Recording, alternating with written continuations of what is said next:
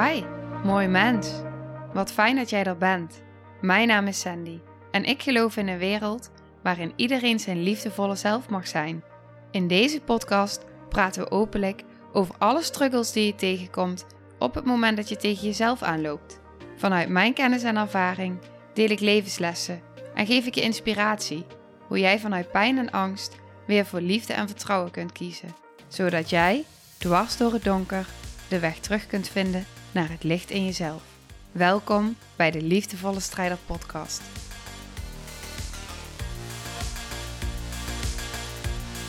Hey, hallo topper. Hoe zit jij erbij vandaag? Ik wil het vandaag met je hebben over de kracht van taal.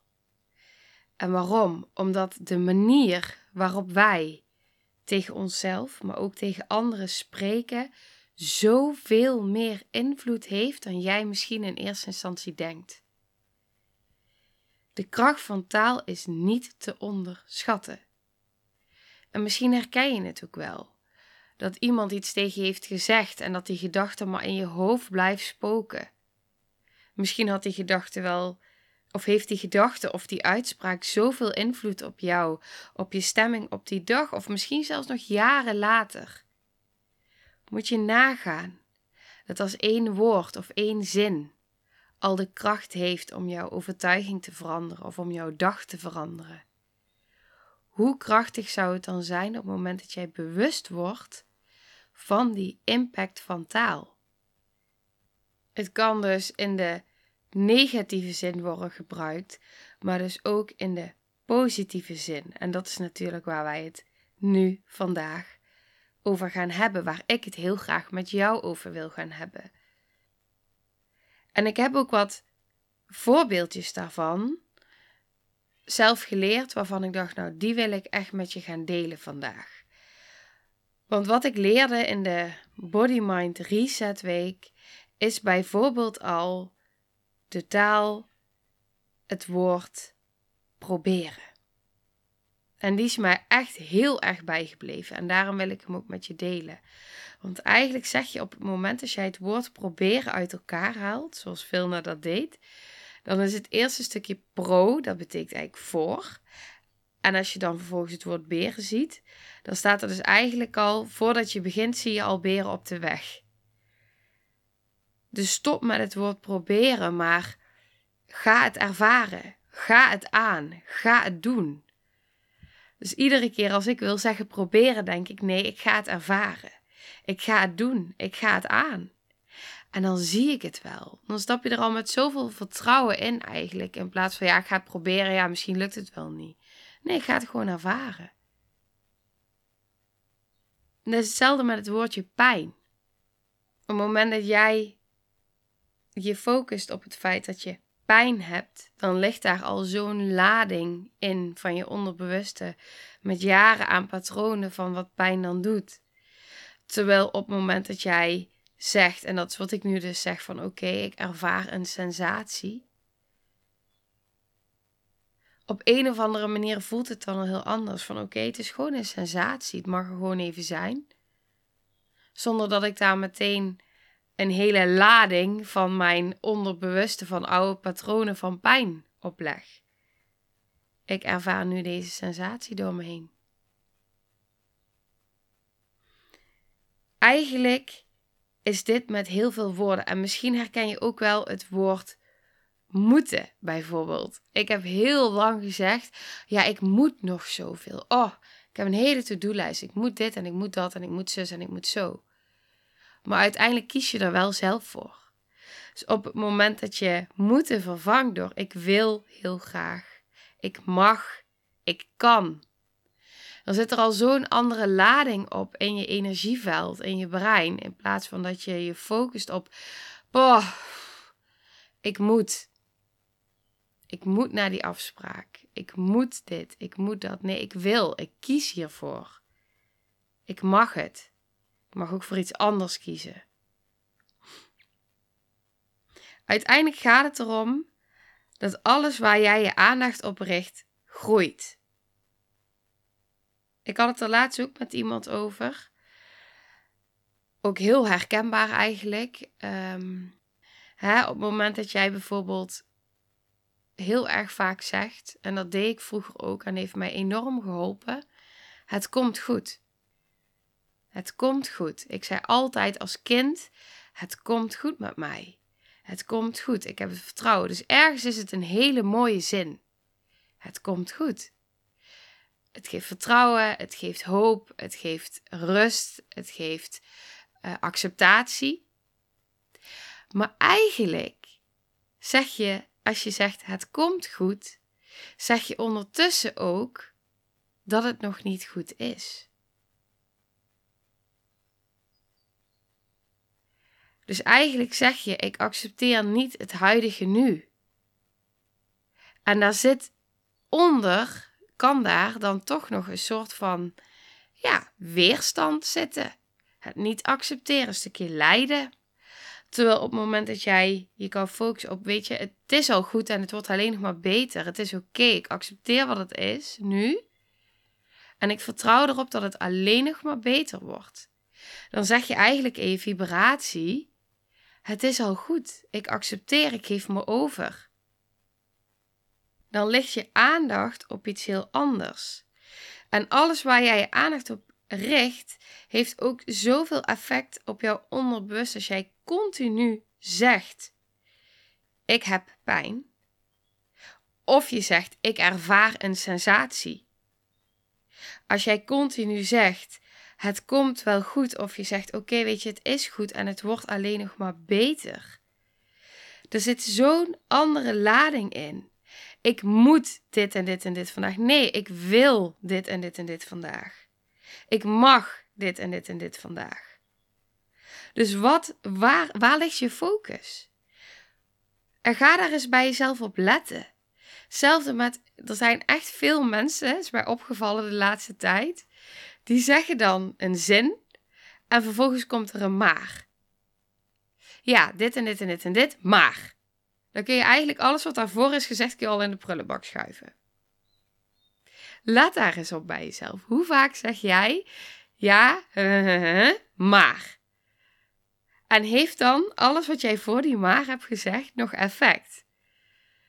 Of zeg je eigenlijk, ja, ja, kan wel een goed idee zijn, maar eigenlijk dat. Waar ligt je focus? En dat is dus ook zo, uh, niet alleen je focus in taal, maar let ook eens op wat je doet bij anderen. Wat zie je bij anderen om je heen? Welke mensen heb je om je heen? Waar omgeef je je in? Maar ook waar focus je je op? Bijvoorbeeld op social media. Welke mensen volg jij? Volg jij, hè, misschien wil jij heel graag afvallen, bij wijze van. Als voorbeeld. En volg jij alleen maar hele slanke, super gespierde mensen? Wat doet dat met je? Geeft je dat een goed gevoel of geef je continu het gevoel van falen, van ik ben daar nog niet of zij hebben wel wat ik niet heb? Waar ligt je focus? Ik heb bijvoorbeeld heel bewust gekozen om mij steeds minder te richten op uh, Instagram-accounts of Facebook-groepen uh, waar mensen ook in zitten met PCS, hersenletsel. Dus zoveel mogelijk mezelf richten op wat ik wel wil, op mijn gezondheid, op wat ik wel kan. En als ik iedere keer weer op Insta of op Facebook verhalen lees of, of, of tips lees of wat dan ook, dan word ik de hele tijd, wordt mijn aandacht weer getrokken naar het hersenletselverhaal. Maar ik wil uit dat verhaal stappen. En om uit dat verhaal te stappen, moet ik wel geloven dat het ook anders kan. En dat is de weg die ik aan het afleggen ben. Dus waar richt ik mijn aandacht op? Niet meer op, op dat stuk. Ik richt mijn aandacht op andere dingen. Op dingen waar ik inspiratie van krijg. Op dingen waar ik blij van word. Op dingen die me energie geven. Als ik daarnaar kijk, dat ik denk: oh yes, daar krijg ik een goed gevoel van. Waar richt je je aandacht op? En wat zeggen die mensen? Ook dan heb je het weer over de kracht van taal. Welke mensen volg jij en wat zeggen zij? Zeggen ze dingen die inspirerend zijn, die motiverend zijn? Of zeggen ze dingen die jou een vervelend gevoel geven? Ik kijk geen nieuws. Want van het nieuws krijg ik een vervelend gevoel. Heb ik altijd al gehad. Als kind al. Ik weet dat ik vroeger als kind dan dingen op het nieuws zag. En dat dat de hele dag in mijn hoofd bleef zitten. Omdat ik heel gevoelig ben. Omdat ik daarvoor, ja, ik kon dat dan niet loslaten. Ik kies ervoor om me daar niet op te richten. Ik kies ervoor om me te richten op dingen die me wel een goed gevoel geven. En dat betekent niet dat ik dan dingen uit de weg ga, want tuurlijk hoor ik ook wat er in de wereld gebeurt. En tuurlijk, daar ontkom je ook niet aan en daar wil je ook niet. Maar het maakt wel dat ik niet de hele dag bezig ben met ellende. Of dat ik de hele dag mijn aandacht richt op alles wat niet is, of wat niet goed is, of wat, nou ja, noem het maar op. Dus waar kies je voor? Waar ligt je focus? En het is, ik heb ook wel een mooi voorbeeld. Uh, ik, ik heb het zelf, ervaar het zelf ook nog. Dat ik ook nog daarin in proces ben. Ik had bijvoorbeeld uh, mijn geboorteplan geschreven. En dat was heel mooi, want ik had in mijn geboorteplan heel duidelijk gezegd: dit is wat ik wel wil en dit is wat ik niet wil. En dat was best wel een lijstje met wat ik niet wilde. En toen zei mijn doula tegen mij, en dat vond ik zo mooi. Toen dacht ik, ja, dit is het. Toen zei mijn doula, als je nou die zinnen net iets anders verwoordt, dan staat er niet meer in, dit is wat ik niet wil. Uiteindelijk staat er precies hetzelfde in, maar positief verwoord. Waardoor het zowel voor de verloskundige veel fijner leest. Want ze zien, nou, dit is hoe ik het graag voor me zie. Dit is mijn verlangen. Ehm, en ik zeg niet, nee, dit niet, dit niet, dit niet, dit niet. En tegelijkertijd ligt ook mijn focus op wat ik wel wil, op waar ik wel blij van word. En zie ik niet een lijstje met allemaal punten staan van ja, dit wil ik allemaal niet. Maar richt ik me op hoe ik het positief wil. En dan maakt het zo, dan maakt het heel anders om naar te kijken. En om te lezen voor zowel mezelf als voor een verloskundige. Dus dan zit je in een hele andere energie door gewoon letterlijk wat zinnetjes anders te formuleren. Dus hetzelfde met de woorden, die komt nou ook in me op. Dat deed ik wel al langer. Op het moment dat iets bijvoorbeeld uh, uitdagend is. Ja, ik zeg het nu al automatisch. Uitdagend, interessant, fascinerend. Vroeger zei ik altijd, oh ja, dat is lastig. Ja, dat is ingewikkeld. Ja, poeh. Oh, dat is moeilijk. Ja, heftig zeg. Pittig. En nu zeg ik, ja, dat is een uitdaging. Hmm, interessant. Interessant. Fascinerend. Het is zo'n andere manier van denken en kijken en waarnemen en omgaan met. Want op het moment dat iets uitdagend is of dat het interessant is, interessant wat er gebeurt, is interessant wat hier nou gebeurt. In plaats van, ja, het is echt moeilijk. Moeilijk. Boah, jeetje, wat is dit toch ingewikkeld? Ja, het is uitdagend.